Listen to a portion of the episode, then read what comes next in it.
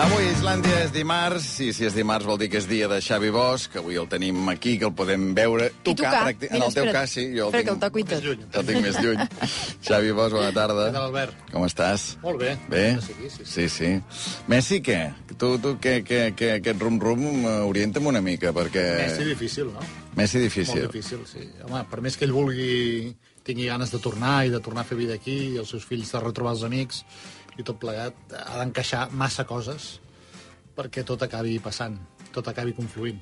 El Xavi vol, la Porta vol, el Messi vol, el Tebas diu que vol, però no sé si tothom diu la veritat. Veurem, veurem a veure què passa. Fa uns quants anys que dura aquest col·laborar amb Messi, no? Estava Vull dir, vaticinat per la setmana que ve. El sobre Ah, sí? que he portat per la setmana que ve està tancat el futur de Messi. Ah, carai.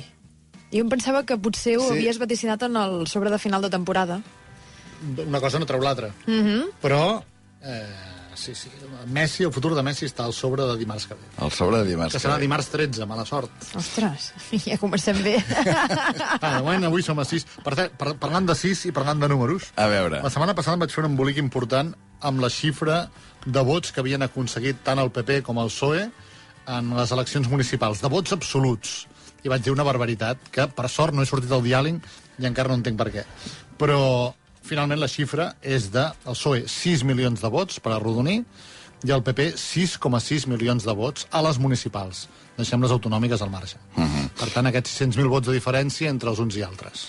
Clar, la setmana passada havies parlat tu de 23 milions i 20 milions, llavors vam dir, a veure, aquí on, on ha sigut l'error, no? I em sembla que és el número de regidors, perquè de regidors sí que és 23.000 a 20.000, no? I, I llavors és probable vaig afegir que... zeros, vaig canviar la, la causa... Tot, molt bé, tot. De mil a milions, un petit detall. Bé, doncs escolta'm, eh, precisat això, la victòria va ser pel Partit Popular, els ajuntaments es constitueixen la setmana que ve, si També tot direm alguna cosa al sobre de la setmana que ve. A veure, clar, perquè aquí han hagut les eleccions, però els ajuntaments s'han de constituir. Sí, no vol dir que tots els alcaldes més votats o els candidats més votats siguin els que acabin sent alcaldes. Vull dir que a aquestes hores, mentre estem aquí fent ràdio, hi ha molta gent fent pactes, eh? Negociant i tovallons de paper amunt i avall. Exacte. Bé, obrirem sobre de vaticinis eh, d'aquí una estona. Abans tens a punt el M'ha agradat, no m'ha agradat. A punt. Doncs som-hi, va. Borges us ofereix aquest espai. M'ha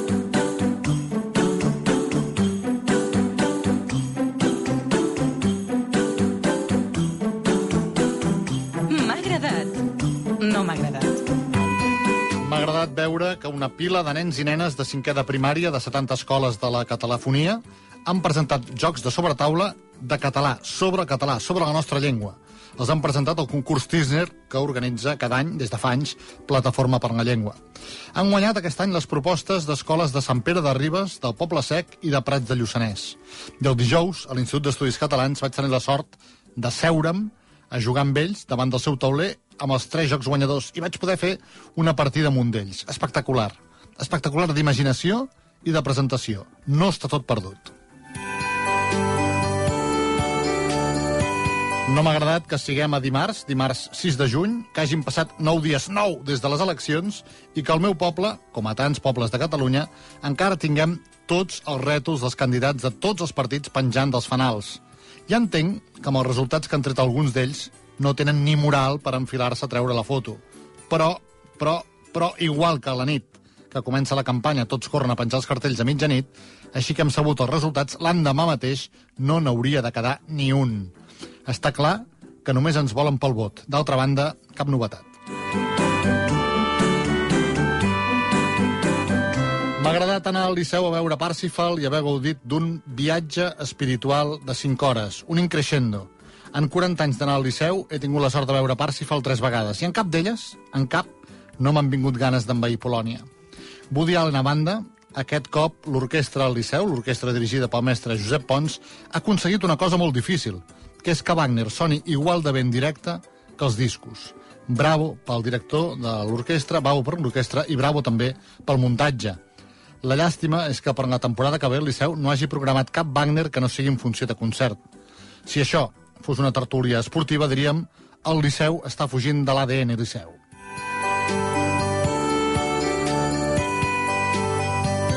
No m'ha agradat veure que encara haguem de dur una mascareta a la butxaca per si hem d'entrar a una farmàcia. Francament, no sé ja quin sentit té que encara es mantingui la mascareta només en aquests centres de salut concrets. Els farmacèutics, amb els que he parlat, tampoc no ho entenen gaire, em diuen. És com si s'haguessin oblidat d'ells, i ni el Fernando Simón ni ningú no recordi que ha quedat un col·lectiu aïllat amb la cara tapada.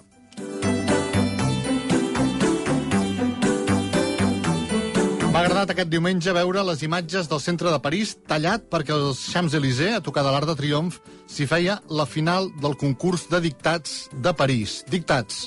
La, la calçada de París, del Champs-Élysées, ocupada per 1.779 pupitres, perquè exactament 1.397 persones, rècord mundial, rècord Guinness, fessin un dictat de 20 minuts de les lletres de Montmolant d'Alfons Daudet. El text el va llegir un locutor tres vegades.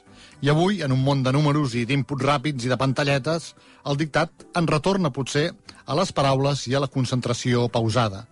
I com a entreteniment, a més a més, el dictat és una cosa bàsicament francesa. Jo em vaig inspirar als dictats a Estrasburg per inventar-me el gran dictat de, de TV3.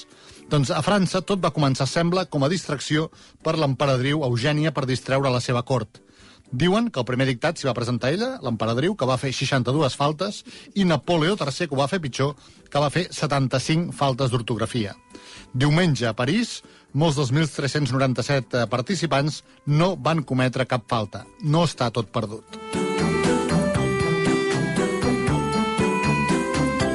I finalment no m'ha agradat i m'ha esgarrifat saber que més de 80 nenes i els seus mestres han estat enverinades a escoles al nord d'Afganistan.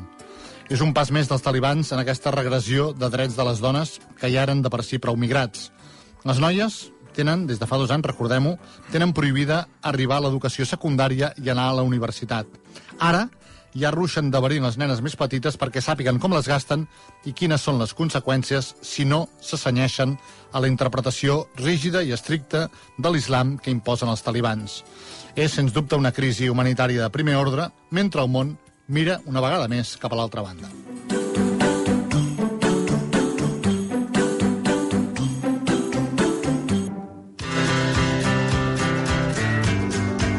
A veure, Maria, tu ets de les que portes una mascareta per si has d'entrar en una farmàcia? No, he de dir que no la porto i que alguna vegada he entrat a la farmàcia tapant-me la cara amb la mà. Perdó, perdó, no porto mascareta, perdó, no porto Amb cara mascareta. de bona persona. passar. Sí, i sempre m'han deixat passar i intento anar ràpid farmàcia, demanant, demanant el que havia de Intentes demanar. no respirar mentre sí. estiguis allà, no, però realment els farmacèutics, les farmacèutiques han de fer aquesta conversa 70 vegades al dia, no? De dir, no, passa, passa, és igual, va, és I acaben igual. regalant moltes mascaretes que ja no... O te les fan comprar... L'altre dia és que justament Depèn, ho depèn parlava... de qui, no? Sí, i que, que te la feien comprar per 30 cèntims o així, Sí, sí, eh, una preu de mascareta. cost, però Sí, vaja. Tu la portes, Albert? Uh, no, no, uh, ara ja no. Va durar uns dies que sí, que encara, encara en tenia una a la butxaca, però ara no en tinc cap a casa, Jo, per sí, sí, exemple. la porto no? sempre per anar a la farmàcia. Sí, sí. Uh, per cert, uh, si l'Àgata Roca ens està escoltant, estarà Sí. molt contenta amb el que has dit dels cartells electorals, perquè és una de les coses que més la treuen de Polleguera. Polleguera. I avui ens hem trobat a les 5 de la tarda a la plaça Molina, i abans de dir-me hola, el primer que m'ha dit, m'ha assenyalat dos fanals, i dir, mira, encara hi ha els cartells aquí electorals. I jo quan he sentit que ho deia el Xavi m'ha vingut al cap directament la gata roca. Jo tinc un altre dubte, però no et feia jugador de jocs de taula? És a dir... No ho sóc massa, però home, eh, va ser una ocasió única i els nanos, en aquest cas de Prats de Lluçanès, que és amb qui vaig jugar, realment s'havien currat molt i molt aquell joc. De què anava el pensat. joc, més o menys? Eh, el format era com de trivial i aleshores amb una trentena de paraules pròpies de la seva població i de la seva nova comarca del Lluçanès recuperades per la gent gran del seu poble pels seus avis i àvies, doncs havies de jugar i respondre o, o dibuixant i endevinar aquella paraula o de, donaven una definició i havies de dir la paraula, o deien la paraula i havies de donar la definició. En fi, tenia tres o quatre o cinc eh, possibilitats diferents, molt entretingut. M'has fet pensar l'altre dia, em feia referència al Mario Serra amb un article a La Vanguardia que parlava d'una paraula que a Taradell també, diguem, és habitual, aquesta l'hagués endevinat, que és flosti. Sí, eh? sí, aquesta era la paraula Flosti? estrella. És com un comodí que serveix per dir Sí. estria, torell, andròmina, una Sí. miqueta tot, no? Passa'm aquest flòstic. Sí. Sí. Perfecte. Sí, sí. No gaire útil, no? Normalment sol ser una cosa que no sigui gaire útil, però Val, sí, sí. Ah, vale, vale. Em pensava que deies que la paraula en si no era gaire útil. No, no, molt, jo- molt, sí, sí. Molt útil, molt. Sí, el sí. Màrius Serra ho sabia perquè hi era i perquè no només hi era, sinó que ell va presentar aquest acte tan xulo. Mm. Bé, i a més a més citava també quan havíem fet el divendres amb l'Espartac Parant, que anaven fent les paraules en ruta poble per poble a Catalunya, i llavors citava fins i tot diversos pobles on es havia trobat també el, el flòstic aquest que recuperaven els alumnes del Lluçanès. Són les 7 i 11 minuts, el sobre el tens a mà, El sobre de sí, vaticinis, doncs espera que ens Preparadíssim. posarem les ulleres. Ai, Som-hi, vaticinis. d'un 4 i d'un 5 pelat, no? Em sembla, més o menys. Uh, sí, uh, va ser un 4 al final? Sí, era un 3 que va passar a ser un 4 i després la setmana següent va ser un 5, em sembla. Val, ara tenia el record de que havia sigut un 2 i havia passat a ser un 3, eh? Sí? Era això? Potser sí, potser sí. No? Sí, jo juraria que va, sí. va, va, va. Però és que t'he sentit sospirar, diguem. Hi ha hagut un sospir que em volen dir ai, el sobre d'avui. No, especialment. No, no especialment. Doncs va, vaticinis per obrir dimarts 6 de juny de 2023. El sobre el va tancar el Xavi dimarts de la setmana passada, que era 30 de maig, quan faltaven 20 minuts per la una del migdia. Aquí dins avui ha d'haver 8 vaticinis, dos el Xavi haurà triat que valguin dos punts. Comencem. Primer vaticini, val un punt. L'equip que acompanya l'Elx i l'Espanyol a segona divisió és el Valladolid. S'ho jugaven sis equips diferents. A falta de 3 minuts baixava l'Almeria, va marcar el penal a camp de l'Espanyol i va baixar el Valladolid. Va, que t'estrenes bé. Un de un. Bona, no era fàcil, eh? Hi havia sis equips implicats aquí. Segon vaticini, val un punt. Lliga. El Barça de Xavi finalment no arriba als 90 punts. El Barça Xavi va perdre a Vigo 2 a 1, per tant s'ha quedat amb els punts que tenia, que eren 88, no arriba als 90. Estan molt bé 88, però no arribem a 90.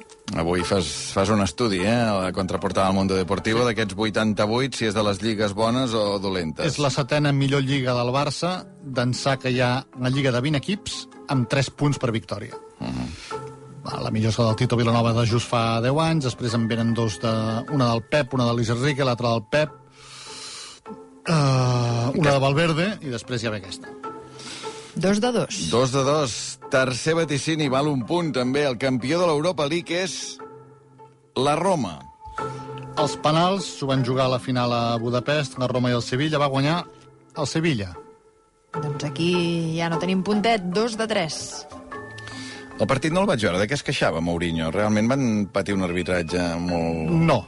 El Mourinho i els seus ajudants crec que han expulsat 10 en el conjunt de la temporada amb la Roma es dediquen a això, a excitar-ho tot. Va ser un partit molt dur, molt trebat, amb moltes castanyes i moltes possibles targetes, però de decisió mm. definitiva i que els hagués perjudicat cap ni una, no? Per tant, dos de tres, de moment. Anem pel quart i últim vaticini esportiu. Aquest val dos punts i és la Champions League femenina. L'equip que guanya la Champions és el Barça.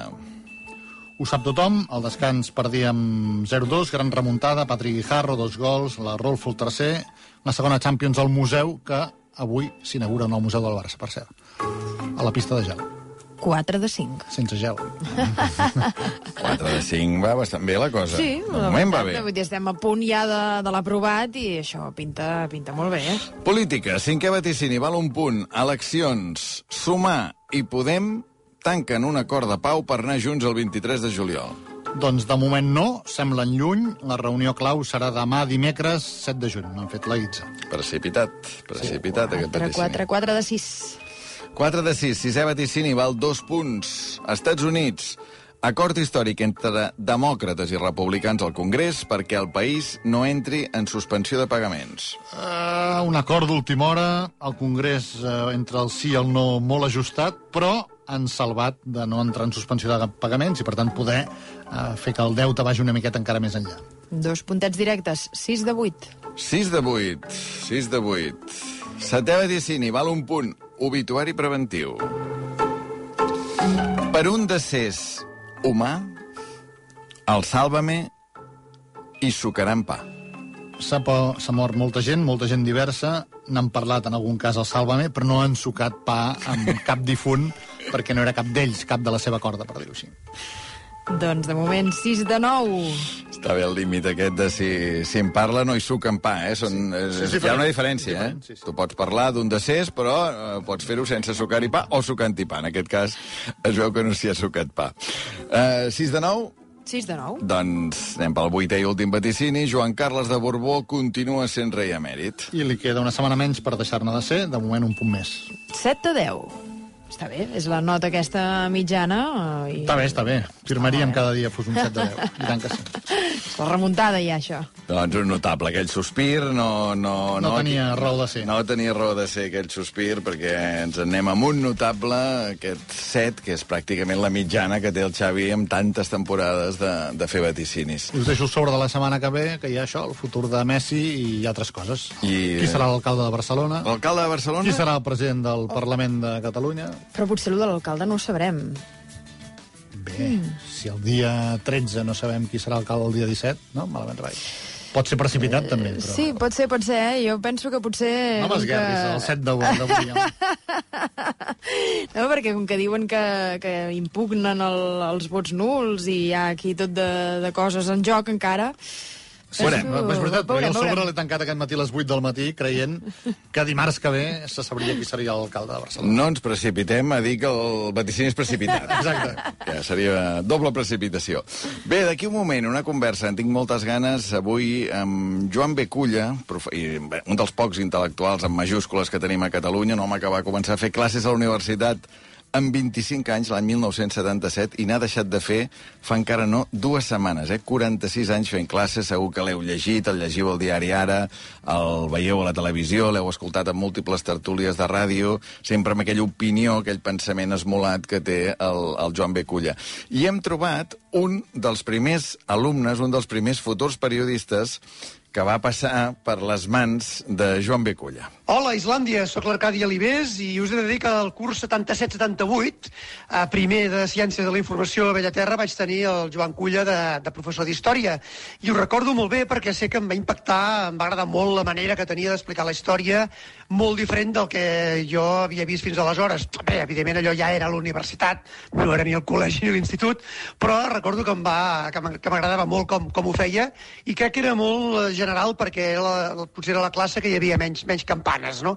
Després, amb els anys, un dia el, vam coincidir a TV3 a, a maquillatge i sé que li vaig, li vaig dir, dic, ostres, vaig ser alumne teu al 77-78 i em va dir, coi, doncs, eh, era el primer any, jo debutava. És a dir, que jo no n'era conscient, però vaig ser, doncs, dels seus primers alumnes a, a la universitat i sempre, sempre l'he recordat per la seva extraordinària manera d'explicar la història. Doncs d'aquí a dos minuts, Joan Beculla a Islàndia.